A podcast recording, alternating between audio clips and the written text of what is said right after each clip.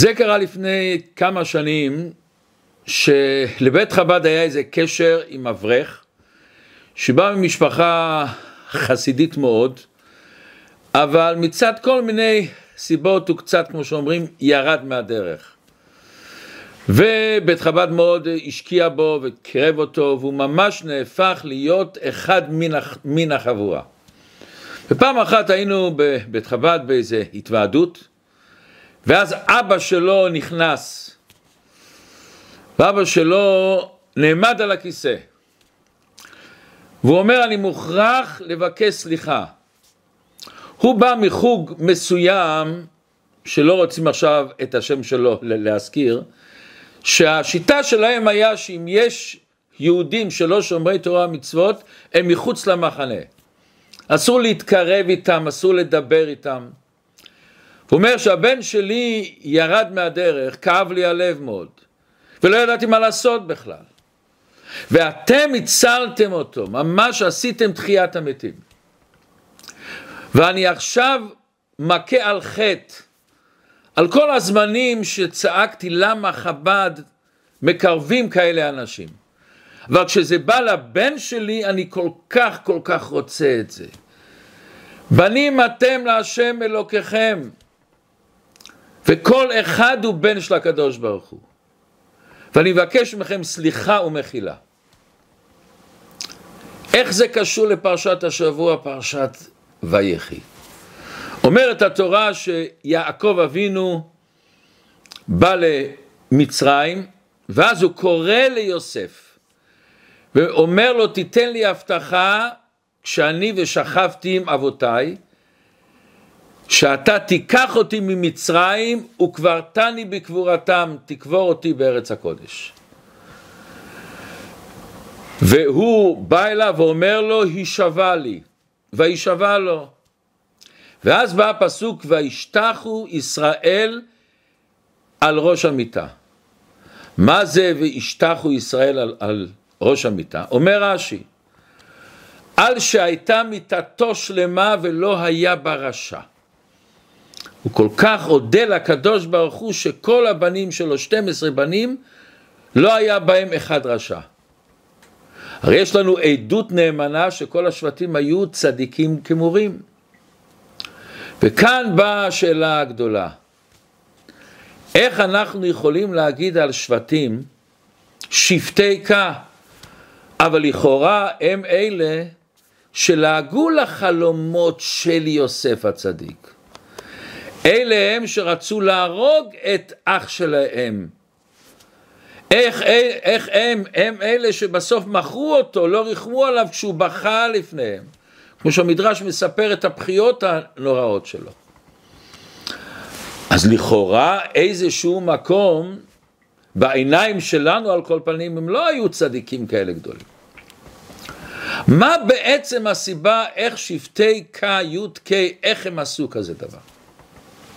אומר האריזה דבר שבהשקפה הראשונה נראה מאוד פלא.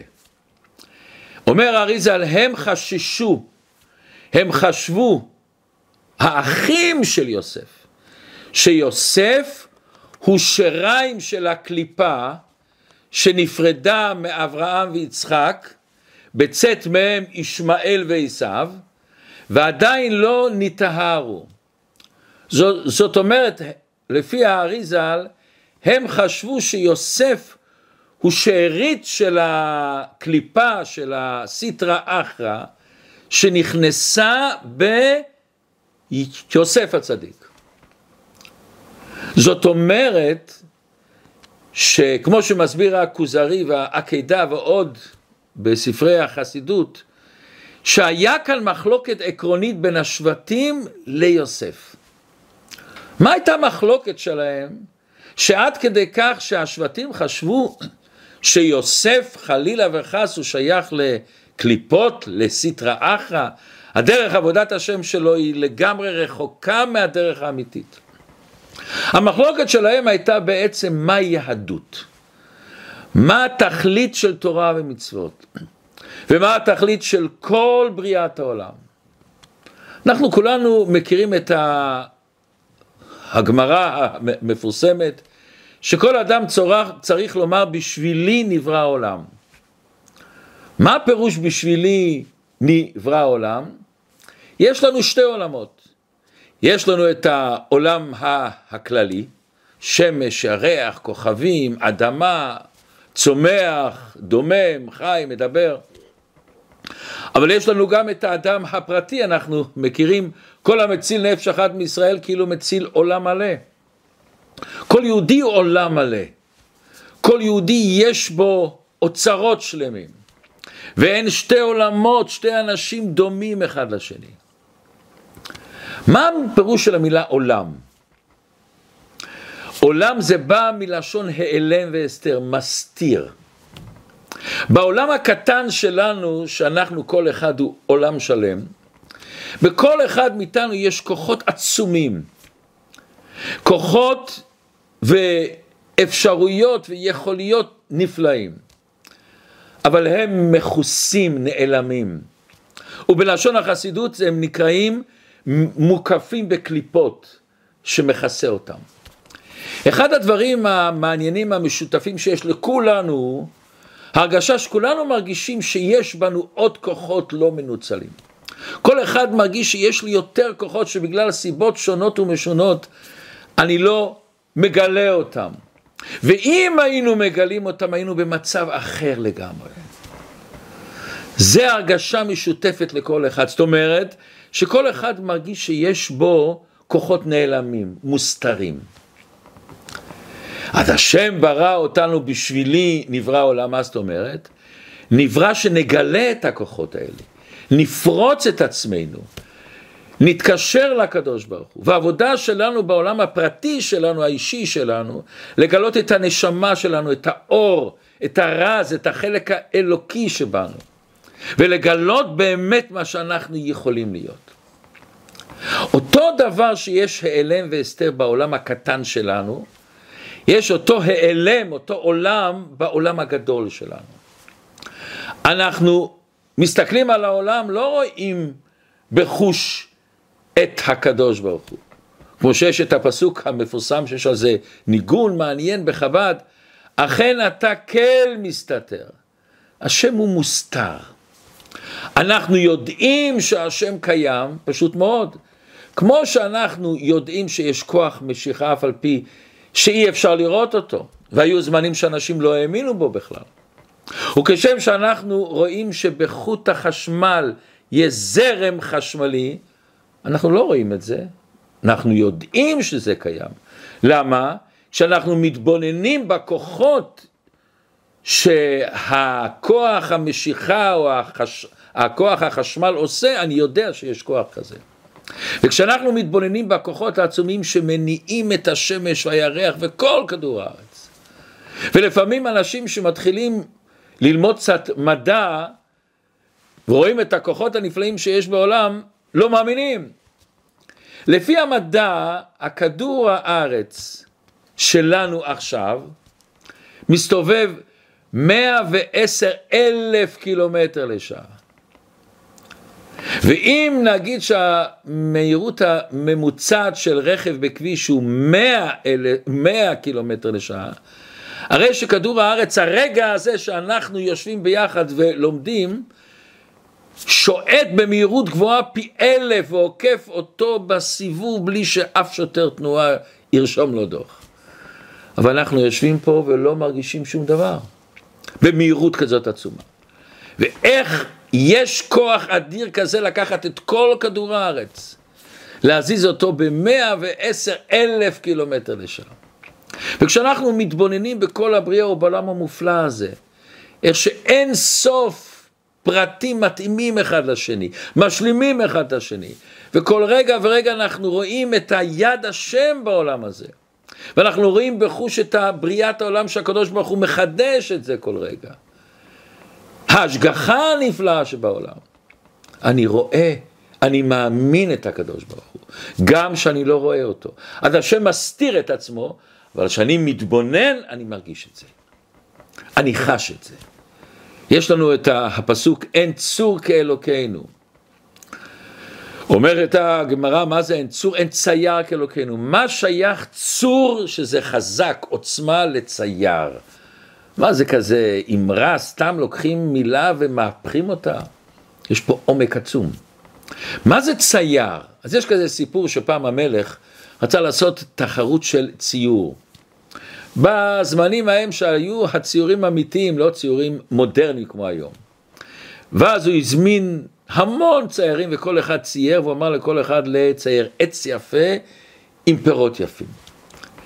והיו צריכים להחליט איזה ציור הכי יפה, אז כולם, המלך אמר להם להיכנס לארמון, ושמו את כל הציורים בחצר. ועמדו והסתכלו ופתאום ראו כמה ציפורים שבאים על אחד התמונות לאכול את הפירות. אמר המלך, זה הציור הכי טוב. זה הציור שאתה מצייר דבר אמיתי, שהדבר כל כך מוחשי שהציפור באה לשם. זאת אומרת, בעומק העניין, צייר, כמה שהוא יותר יכול לצייר דבר שבאמת הוא לא אמיתי, הוא נראה כאילו אמיתי, הוא יותר צייר טוב. אין צור כאלוקינו, אין עוצמה כאלוקינו, למה? השם יכול לברוא עולם כזה נפלא, עולם כל כך הרבה מורכב, אין סוף, אין סוף של דברים. שכל המדענים אומרים שכמה שהוא יודע יותר ולומד יותר, ככה הוא רואה כמה שהוא לא יודע. והשם מסתיר את עצמו. הוא צייר, הוא עושה עולם כאילו נקרא עולם נפרד, הוא מעלים על עצמו, אבל הוא בעצם זה שמחייב ומהווה את העולם. ועכשיו, מה המטרה של אותו ההיעלם של הבן אדם הפרטי וההיעלם של כל העולם? השבטים היו בשיטה שתכלית הבריאה היא לגלות את ההיעלם שלנו. כל אחד באופן פרטי צריך לגלות את הנשמה שלו. את הנר השם נשמת אדם, להדליק את הנשמה שלו, להתקרב לקדוש ברוך הוא, לחוש את האמונה. וכיוון שאנו מוקפים מסביבנו המון אגו, המון אינטרסים, המון שחיתות, מכיוון שאנחנו רואים המון המון דברים לא טובים, גם רואים בעולם הרבה טוב, אבל יש עולם חומרי, גשמי, מגושם, לכן השבטים היו בשיטה שכדי שאנחנו, בני אדם, נתקרב לקדוש ברוך הוא, נתענג על השם, נגלה את הנשמה שלנו. איך נעשה את זה? להתנתק ולברוח מן העולם הגשמי. לעשות חומה ומחיצה בין הקדושה לעולם הגשמי. ועל ידי זה נוכל להתרומם ולא ליפול בעולם החומרי, הגשמי, האגואיסטי שיש. זה הדרך הנכונה לעלייה, לברוח מן העולם. ולכן העבודה של השבטים הם היו רועי צאן. מה זה רועי צאן? הם לא נמצאים בעיר, בהמולה של החיים. הם נמצאים בשדות, במקום של טבע. מקום שאנחנו יותר קרובים לקדוש ברוך הוא, בהרגשתנו, רואים את פלאות הבריאה יותר. הם היו קשורים בטבע שהקדוש ברוך הוא יצר בלי יד אדם, בלי, בלי כל ההמון העם הזה. הם היו התבודדות ואינטימיות עמוקה עם רוחניות. הייתה יהודה לקדשו, מה זה יהדות אומרת לקדשו, לברוח מן העולם. יש סיפור על הרבה מקוץ, כשהוא היה צעיר, אז תמיד הוא אהב להתפלל מחוץ לעיר. ואבא שלו אמר לו, ריבונו של עולם, הקדוש ברוך הוא נמצא בכל מקום, מלא כל ארץ כבודו, למה אתה הולך להתפלל מחוץ לעיר? הוא אומר, אבא, אתה מאוד צודק, השם נמצא בכל מקום, אבל אני יותר מרגיש את הקדוש ברוך הוא מחוץ לעיר. הם סברו שעם ישראל צריך להתנתק מכל העולם הזה, מכל האנושות, להתבדל, לא להיות בקשר עם אינם יהודים, והרי יש לנו את הגזרה שאסור לשתות מיינם של גויים ולאכול מהפת עקום. העולם בא שנקדש את עצמנו. הפסוק המפורסם, אין עם לבדד ישכום. יוסף היה לו שיטה לגמרי אחרת. הוא הסביר את אותו עניין שהם לקחו שחייו אדם לומר בשבילי נברא עולם בצורה הפוכה. מה אמר יוסף? תכלית הבריאה, כמו שאנחנו אומרים, ועלינו לשבח, לתקן עולם במלכות, ש"ד י', וכל בני בשר יקראו בשמך, להפנות אליך כל רישי הארץ, יכירו וידעו כל יושבי תבל כי לך תיכה ברך. לפניך השם אלוקינו יכרעו ויפולו. ויקבלו כולם את עול מלכותך ותמלוך עליהם מהרה לעולם ועד. בער ביוסף המילים שאנחנו אומרים בראש שנה ובכיפור, וידע כל פעול כי אתה פעלתו, ויבין כל יצור כי אתה יצרתו.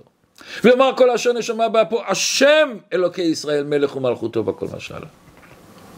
הוא אמר שהתפקיד שלנו לגלות אלוקות. עם זו יצרת לי, תהילתי יספר.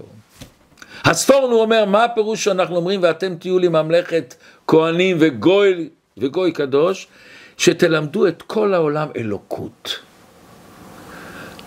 הכנה לביאת משיח, כמו שהרמב"ם אומר, של העתיד לבוא, כל העולם מתבטל אל הקדוש ברוך הוא. אור לגויים נתתיך, אתם תהיו לי ממלכת כהנים וגוי קדוש, ת, תשפיעו על העולם. עד כדי כך שהרמב"ם הרי אומר שיש, משה ציווה מפי הגבורה שיש לנו חיוב להשפיע על שבע מצוות בני נוח גם בזמננו. וזהו בעצם העניין של קידוש השם שאנחנו מצווים עליו בכל מקום, בכל מצב. תמיד יש לנו אפשרות לקדש שם שמיים. אומרת הגמרא מסכת יומא, ואהבת את השם אלוקיך שיהיה שם שמיים מתאהב על ידך. אני אספר לכם סיפור מעניין מאוד. אני שמעתי את זה מהרב, מהרב קלמנסון. הוא סיפר שהוא שמע את זה מהרב טרס. בא אליו פעם איזה אברך ואומר לו שהוא רוצה להתגייר. והוא שופך את הלב שלו. הוא אומר, היה זמן שהיה לי בחיים קשה מאוד. היה לי חושך. החלטתי להתאבד. וחשבתי איפה אני הולך להתאבד. אמרתי לעצמי, המקום שהכי נהניתי בו היה בבית ספר שלי. שם נהניתי, אז בוא אני אלך לכל הפחות, שאני גומר את החיים שלי במקום שהיה לי זמן טוב, זמן שנהניתי. והוא בא אל הבית ספר ופתאום הוא מתחיל לחשוב, רגע, שמחר ביום שני יבואו הילדים ויראו אותי שאני תלוי על העץ פה, מה הם יגידו, מה הם ירגישו? אני לא רוצה. ואז על יד הבית ספר היה איזה פארק, הוא הלך לפארק, מצא עץ אלון גדול, שם את החוט, קשר אותו לאחד הענפים הגדולים, ורצה לקשור את זה לעצמו ולקפוץ. והיה שם חושך, היה בלילה. ופתאום הוא רואה מול אותו עץ הזה בית מלא אור. והוא מסתכל ורואה שהדלתות והחלונות פתוחים. ואנשים יושבים, שרים ומדברים. ויש אווירה נפלאה של אחדות, של קשר, של עושר. ועל השולחן יש שפע של אוכל. ואנשים מחייכים ומתקשרים ונהנים. ופתאום הלך לי מחשבה בראש, אולי גם לי יגיע פעם זמן כזה של עושר ושמחה. למה אני צריך ככה לגמור את החיים שלי? התחרטתי וזה הציל את החיים שלי. שואל אותי הרב, האם זה היה ברחוב הזה והזה? והוא אומר לו, כן הרב, אבל מאיפה אתה יודע? אני לא מאמין. אני לא סיפרתי את הסיפור הזה לאף אחד, אתה הבן אדם הראשון שסיפרתי לו. לא אמרתי לך כתובת, לא אמרתי לך שום דבר. איך אתה יודע את זה? ואז אותו הרב תופס לו את הידיים שלו, מחבק אותם חזק, ובוכה, בוכה, בוכה. ואומר לו, זה הבית שלי. איך אני יודע? אני גר בדיוק מול עץ האלון הזה. ואני החלטתי לעצמי, יש לנו בבית כל כך הרבה זה אור. אני רוצה להפיץ את זה החוץ.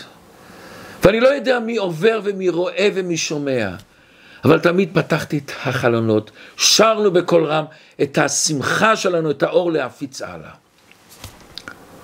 לא עברה שנה, ואותו רג, רב רקד בחתונה של אותו בן אדם שהתגייר. הוא תמיד פתח את החלונות, להאיר את האור לאחרים. כמו שאנחנו היום בחנוכה הדלקנו את הנרות איפה? מדליקים אותם בחוץ, מפרסמים את הנס. להדליק כל יהודי הוא נר, אבל אנחנו גם צריכים להדליק את הנר השני. ויש לנו לזה הזדמנויות כל יום, שאנחנו עומדים בשורה בבנק, בצרכנייה, באוטובוס. לפעמים לתת מקום לשני. לפעמים פשוט לומר שלום לאנשים ברחוב, גם שאני לא מכיר אותם. גם כשהם שכנים ברחוב אני רואה אותם מדי פעם, זה כל כך יפה להגיד לו שלום, בוקר טוב, ערב טוב, צהריים טובים. ככה מקרבים יהודים, ככה מקדשים שם שמיים. למה לא להזמין אנשים אורחים לשבת? אפילו אולי אנשים שאני לא כל כך מכיר, אני רואה אותם בבית כנסת, אני רואה אותם בצרכנייה, נכנס איתם לשיחה, מה שלומך, אפילו מבקשים מהם איזה עזרה שאני לא צריך בכלל.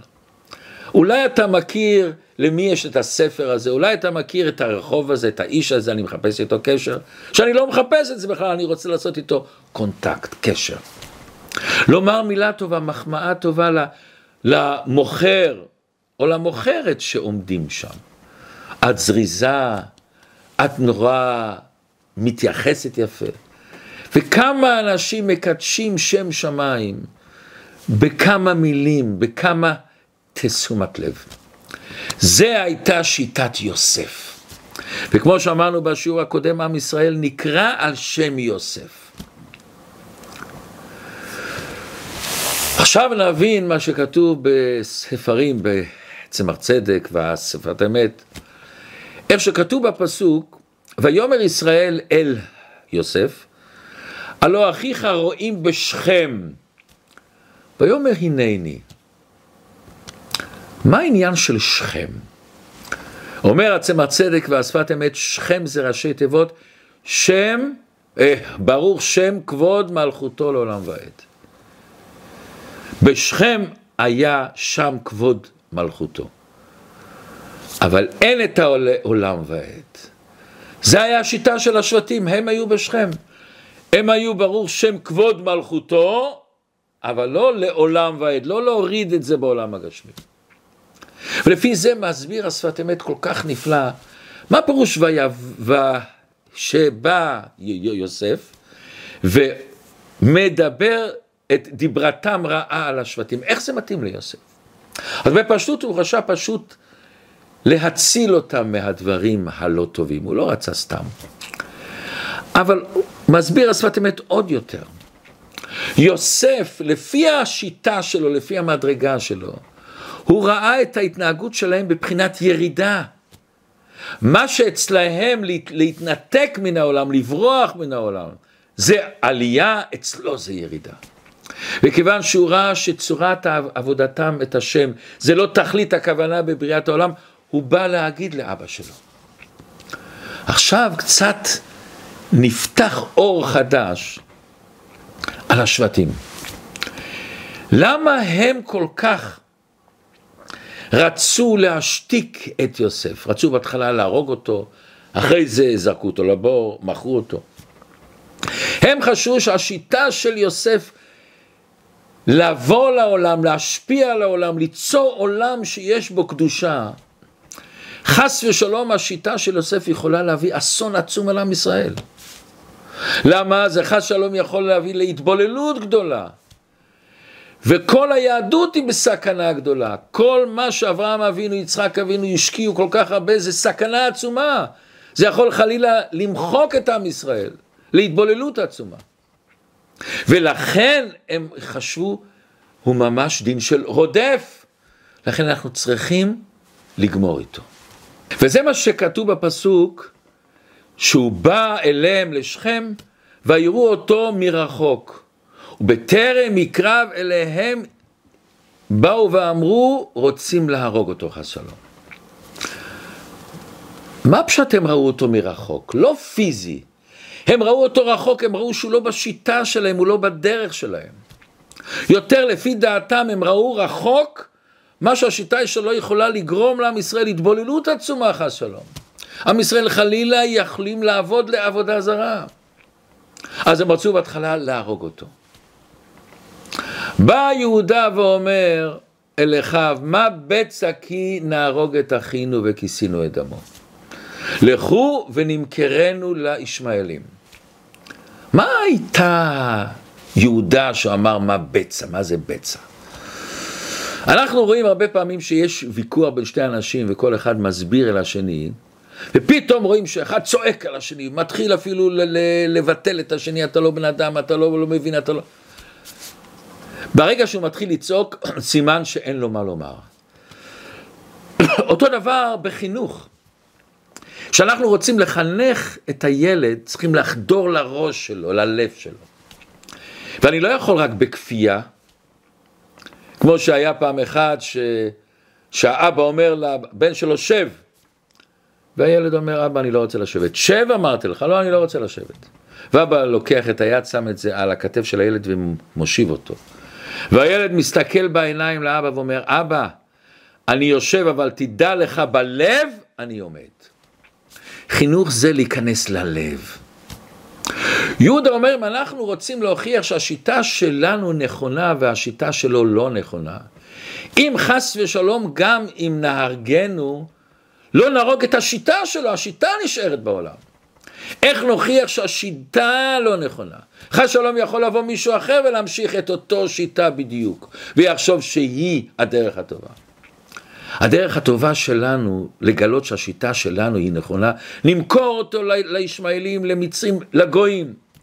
נראה אם הוא יכול להצליח שם לעמוד ביהדות שלו, עוד יותר נראה אם הוא יצליח להשפיע על האחרים. לא רק שהוא יעמוד בניסיונות, אלא שהוא יכול להשפיע עליהם, לעשות את החלום שלהם, שיכירו וידעו כל יושבי תבל כי להשם המלוכה. ואחרי שהוא לא יצליח, אז דווקא הוא יתחיל להעריך אותנו. את השבטים. ואז דווקא השיטה שלו מתבטלת. לא סותמים את הפה, הופכים, הופכים את הפה שלו. זה הוא אמר, לא נהרוג אותו, נמכור אותו, נשים אותו במצב הזה. לפי זה נבין גם דבר נפלא, מה זה ויוס, ו, וישראל אהב את יוסף מכל בניו?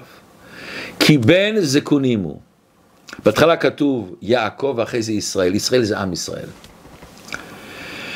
יעקב, אה, ישראל אהב את יוסף, הוא ראה את הדרך שלו, ועשה לו כתונת פסים. מה הכתונת פסים הזאת? מה הכתונת פסים הזאת? ישראל, יעקב אבינו ראה שיוסף ירד לעולם כדי לברר, להשפיע על כל העולם. לגלות את מלכותו של השם בעולם, הוא ידע שהוא צריך לזה כוחות מיוחדים. הוא ידע יעבור ניסיונות גדולים. הוא נתן לו את כתונת הפסים. לפי המדרש, הכתונת הפסים זה היה בגדי אדם הראשון. שאחרי שהשם שלח את אדם הראשון מגן עדן, השם נתן לו שליחות. לזכח את העולם, לגלות בו אלוקות. איך כתוב? ויברך אותם אלוקים, ויאמר להם אלוקים, פרו ורבו ומילאו את הארץ וכבשוה. השם נתן לאדם ראשון את הבגדים כדי שהוא יוכל לרדת לעולם, לפעול בעולם. פרו ורבו ולכבוש את העולם, להמשיך אלוקות בעולם.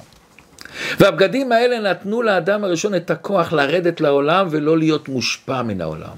אדרבה, להשפיע על העולם. אנחנו, אנחנו מכירים שאומרים לחיים תמיד על אלכוהול, על וודקה, ויסקי. למה? פעם רב שלמה חיים אמר לי, כשאתה לוקח שתייה, מיץ או קוקה קולה ושם בפריזר הוא נקפא. אתה שואל את המיץ או את הקוקה קולה למה אתה נקפא, הוא אומר בחוץ היה קר, זה השפיע עליי. כשאתה שם וודקה או ויסקי, זה לא נקפא. אתה שואל את הוודקה ויסקי בחוץ כל כך קר, איך אתה נשאר מה שאתה? ואתה נשאר יותר טוב. אומר הוודקה והוויסקי, מכיוון שאני לא מושפע מהעולם. זה חיים אמיתיים, חיים אמיתיים שאתה חי את החיים. אתה לא הולך לפי הזרם. אתה לא מכיוון שמישהו מישהו אמר מה או מישהו שם משהו במכשירים האלקטרוניים וכולי וכולי, אני הולך אחריו. זה הבגדים. יעקב אבינו נתן ליוסף את כתובת הפסים, הוא ידע את העניין של כתובת הפסים. למה? וכי חסר לו חולצות? מה, מה זה הכתונת הפסים הזאת? מה המיוחד בזה? זה היה בגדי אדם הראשון, שייתן לו את הכוח שהוא יורד לעולם. וכתוב בספרים, מה זה ראשי תיבות פסים? זה ראשי תיבות של כל הצרות שיבואו על יוסף. פ' זה פוטיפר, ס' זה סוחרים, מכרו אותו, י' זה ישמעאלים ומדיינים. והמפרשים רבים הסבירו איזה כתונת פסים, מה היה מיוחד בו. זה היה עשוי מפיסות רבות של בד, שכל פיסת בד הייתה בצבע אחר. יוסף עבר בחיים שלו המון ניסיונות, מצבים שונים ומשונים, כדי לתת לך כוח לעמוד בכל המצבים, בכל הצבעים, בכל הזמנים, זה הכתונת הפסים. גם שתהיה במצרים במקום של קליפות, תזכור תמיד את השליחות שלך. ותמיד תזכור את דמות דיכאונו של אביך, של יעקב אבינו. כמו שבאמת כתוב שבזמן הניסיון עם אשת פוטיפר, איך הוא עמד בזה? פתאום התגלה לו דמות דיכאונו של אביו, וזה נתן לו את הכוח לעמוד בניסיון. זה הבגדים של כתונת הפסים. הוא תמיד נזכר, היה לי את הכתונת הפסים, זה נותן לי את הכוח. וגם לנו אותו דבר. לכל אחד מאיתנו היה זמן שהיה לנו את כתונת הפסים. זמן שהתעוררנו, ששמענו איזה ניגון מרגש, שהיינו באיזה התוועדות, שמענו איזה שיעור מיוחד, קיבלנו איזה מחמאה, קיבלנו איזה התרוממות רוח. ואז התרוממנו לקדוש ברוך הוא, והיינו יכולים להיות מעל העולם בעולם. תמיד אנחנו צריכים לזכור לנו, לקחת לנו את, הבגדי, את הבגדים האלה של האדם הראשון, את כתונת הפסים. לפני זמן שמעתי סיפור מרגש מאוד. לאחד מהשליחים שהיה בדטרויט היה לו בית, בית כנסת יפה. ובבית כנסת הזה היו אנשים לא כולם הצ, הצדיקים, אבל אנשים מאוד טובים. אבל היה בן אדם אחד שתמיד לפני ברכת כהנים בסוכות בפסח, תמיד הוא יצא מהבית כנסת. הוא לא רצה להישאר. והוא לא הבין למה, הוא חשב, הוא רץ הביתה. פעם הרב החליט, אני רוצה שהוא יבוא, הזמין אותו לאכול סעודת חג אחרי התפילה. ומה הוא רואה שמתחילים להגיד ותחזינה עינינו, הוא מקבל את הטלית ועוזב. והוא לא מבין הרי, הוא צריך לאכול אצלי, אוקיי. מדברים, מדברים, ואז כשהרב הולך החוצה, הוא רואה אותו מחכה, אה, מה אתה, אה, אתה פה, כן. באו הביתה, אכלו, עשו קידוש, אמרו קצת לחיים, והלבבות נפתחו. נפתחו הלבבות. ואז אומר לו הרב, מותר לי לשאול אותך, מה יש לך נגד ברכת כהנים? אז אומר הרב, אני אגיד לך. אני הייתי בשואה במחנה השמדה. והיה אצלנו בצריף שלנו אחד שקרא, שקראנו לו הרבה שלנו. שהוא תמיד עודד אותנו, חיזק אותנו. הוא זכר תמיד מתי סוכות, מתי פסח, הוא סיפר לנו את כל הסיפורים לכל חג, מתי זה חל. והוא עודד אותנו, תמיד הרים אותנו. פעם אחת הוא בא ואומר, עוד שבועיים זה חג הפסח, אנחנו הולכים לעשות ליל סדר. איפה ומה? הוא אומר, מרור יש לנו בשפע, יין, ניקח את הדמעות שלנו, נאסוף אותם בכוס, מצות אני אמצא קמח ונעשה איזה כמה מצות ונאכל כל אחת חתיכה קטנה. וזה הם עשו. ישבו בסדר, אחרי שכולם הלכו לישון והשומרים באו בדקו, ירדו מהמיטות, עשו את הסדר, ישבו, אבל פתאום אחד מהשומרים עובר ושמע כנראה איזה רשרושים, פותח את הדלת ורואה את כולם יושבים על הרצפה, זה היה אסור, זמן שינה, כולם צריכים להיות במיטות וכולם קפצו על המיטות שלהם. ואז הנאצי הזה לוקח את הבן אדם הכי קרוב אליו, שם את הרובה, את האקדח שלו על הראש, אומר לו, מי ארגן את כל העניין הזה? הוא אומר, לא יודע.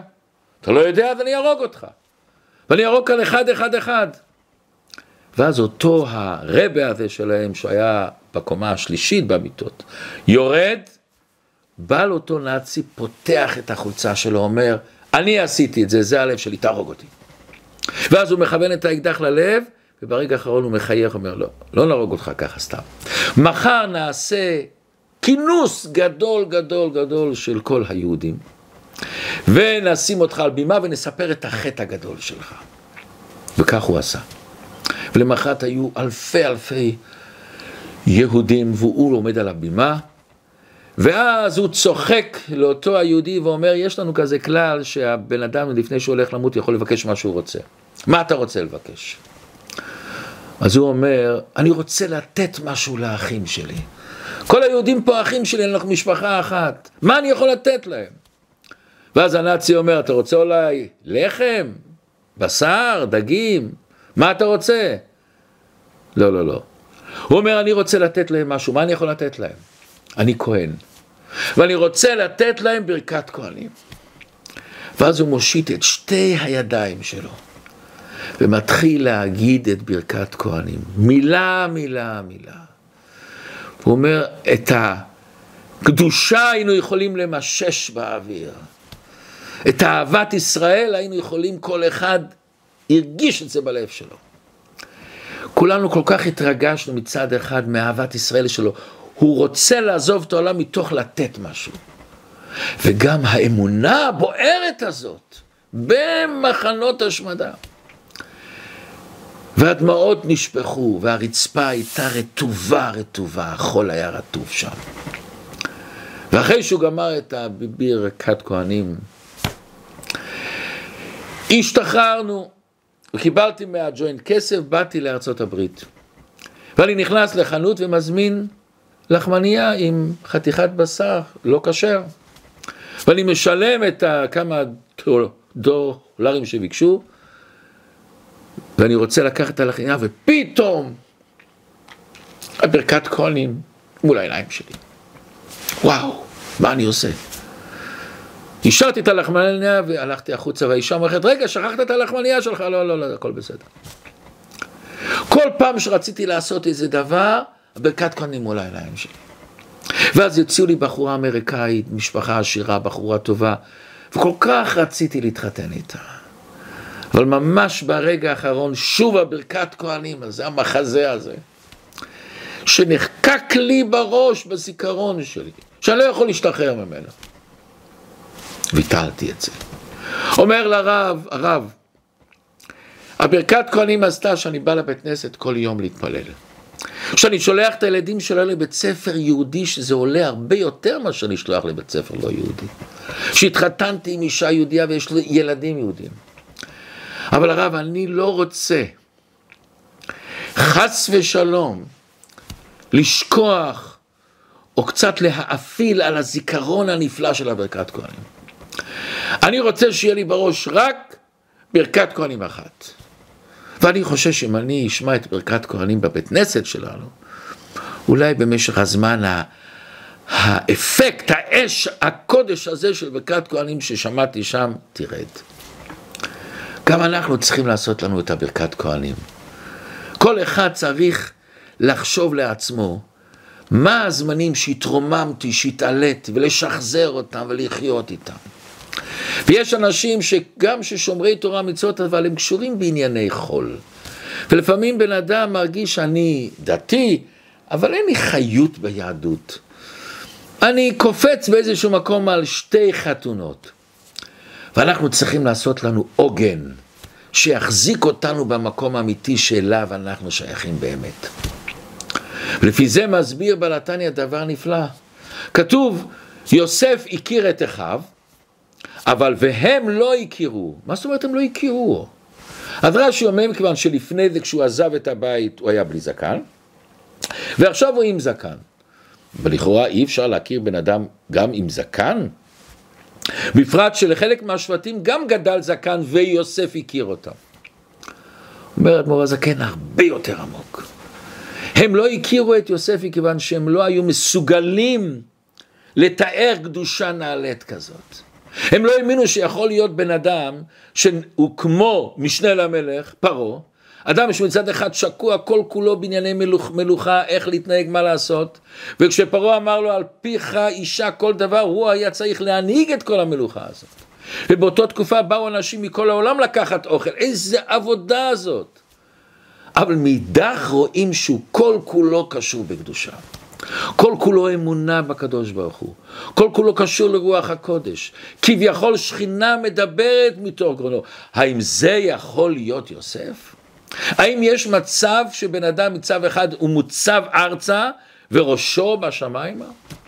התורה מספרת שכשהוא היה נמצא אצל פוטיפר, וירא אדוניו כי השם איתו, וכל אשר עושה ובכל אשר עשה, השם מצליח בידו. אומר רש"י, מה זה כי השם איתו? שם שמיים שגור בפיו. אומר הרב, באותו מקום שפוטיפר, אדונו, הוא, הוא אדוניו. גם הוא מרגיש, פוטיפר גם מרגיש, כי השם איתו, שכל כולו הוא השם. ואומר המהר"ל, שם שמיים שגור בפיו, מה זאת אומרת? כל דבר הוא ראה את הקדוש ברוך הוא. והוא ראה שכל אשר עשה השם מצליח בידו כל הצלחה שלו, זה לא הוא, זה הכל הקדוש ברוך הוא. ואותו פוטיפר, אותו אדון שלו, מרגיש שכל הזמן הוא מרגיש שהוא חי עם הקדוש ברוך הוא. ולא רק שהוא עמד בניסיונות שלו, אלא הוא פעל על מצרים. עד כדי כך שאומר המדרש, ורש"י מביא את זה, שיוסף פעל על כל מצרים לעשות ברית. למה הוא היה צריך לעשות ברית? יש לזה כמה פירושים. האלשך הקדוש, רבינו בחיי אומר, הם היו גויים הרי. למה הוא צריך לעשות למצרים ברית? מכאן הוא אומר שמהות של ברית מילה מחליש את כוח התאווה. וכל התכלית שיוסף לרדת למצרים להחליש את כוח הטומאה של מצרים. למה? שיוסף ידע שבני ישראל ייכנסו למצרים. לתת להם את הכוח לעמוד. והחפץ חיים גם אומר שיוסף עשה כן להחליש את כוח הטומאה, שלבני ישראל יוכלו אחרי זה לגור שם. שכל העבודה של יוסף נתנה כוח. לכן כאשר יוסף שולח את אחיו לאביו, אז מה הוא אומר להם? מהרו ועלו אל אבי, ואמרתם אליו, כה אמר בנך יוסף, שמני אלוקים לאדון לכל מצרים, רדה אליי אל תעמוד. אומר התרגום, הוא אמר ליעקב, אל תתעכב. מה, מה הוא צריך כל כך להפציך? וכי יספק שיעקב ירצה להיכנס, להיפגש עם הבן שלו? יוסף ידע שמצרים זה ערוות הארץ, ואולי יעקב לא ירצה לבוא לשם. יוסף רצה לשלוח ליעקב את המסר. לא רק ששמרתי על עצמי ולא נכשלתי, אלא הרבה יותר מזה. המשכתי אלוקות במצרים. הכתונת פסים שלך נתנה לי את הכוח. דמות אביו נתנה לי את הכוח. שגם שמה. ויוסף רצה לומר לו ששמה יש אלוקות. אומר החידושי הרים, ורב שמחי ביני מי פשיסחה, שמני אלוקים, אני שמתי את האלוקים למה? לאדון לכל מצרים. עשיתי את השם למלך. בבית המדרש זה לא חידוש להרגיש את הקדוש ברוך הוא. לשים את האלוקים למלך במצרים זה החידוש. אתה אחד ושמך אחד. אבל מה המעלה של עם ישראל ומי כעמך ישראל גוי אחד בארץ. אומר אדמו"ר הזקן דבר נפלא, עם ישראל ממשיכים את האחד בארץ, גוי אחד בארץ. וצריך שכל אדם יבין שבתוך תוכנו יש נר. ולכל אחד יש את הנר שלו, לא כמו השני. ואין לך בן אדם שאין לו נר שלא יכול להאיר. אבל לא רק להאיר, אנחנו צריכים להדליק את הנר השני. להאיר אותו.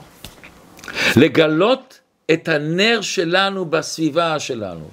ושביחד כל הנרות יידלקו, וזה יביא את משיח. ופה נבין עוד דבר מעניין מאוד. אומר, אומר הזוהר הקדוש, איך שכתוב, ואלה תולדות יעקב, יוסף בן 17 שנה, היה רועה צאן והוא נער. אומר הזוהר הקדוש, מי עוד נקרא נער? חנוך. אנחנו יודעים שהחנוך היה אדם גדול, והשם לקח אותו. אומר החתם סופר, למה השם לקח אותו? אומר, השיטה של חנוך היה שהוא פרש מכל בני אדם. הוא פיחד שהוא לא יתקלקל מהם, אז הוא התבודד עם הקדוש ברוך הוא בייחודים מיליונים בקדושה. אומר הזוהר הקדוש יוסף היה גלגול של חנוך, שהוא נער. למה יוסף נמכר למצרים? כדי לתקן את חנוך. החנוך לא הכריח את בני דורו ויצא מהם דור המבול. יוסף בא לתקן את העניין, למה? כתוב באריזה שהנשמות של בני ישראל במצרים היו גלגול של דור המבול. גלגול של הנשמות של דור המבול. בא יוסף לתקן את הפגם כביכול של חנוך, לתקן אותם, לסלול להם את הדרך לנשמות של דור המבול שיוכלו להת, להתקדש במצרים. ובפרט בדור שלנו, שהשם ישמור, יש הרבה מבני ישראל בסכנת התפוללות, זה פיקוח נפש רוחנית. לא תעמוד על דם רעך. אנחנו צריכים להיות ערבים זה לזה, לקרב אנשים, להשפיע על אנשים. וכמובן כל אחד צריך להתייעץ עם הרב שלו, המשפיע שלו, איך לעשות, כמה לעשות, אבל תמיד לזכור שאנחנו כמו שמן. שמן יש לו שתי דברים הפכים.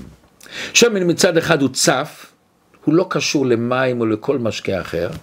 מצד שני שמן מפעפע, שברג לא, לא עובד טוב, אני שם שמן והשמן הוא חודר. זה ההוראה שלנו כמו שמן. אני צריך מצד אחד לא להתערבב בעולם, אבל לא לברוח מעולם, לרדת, לפעפע בעולם ולהישאר שמן.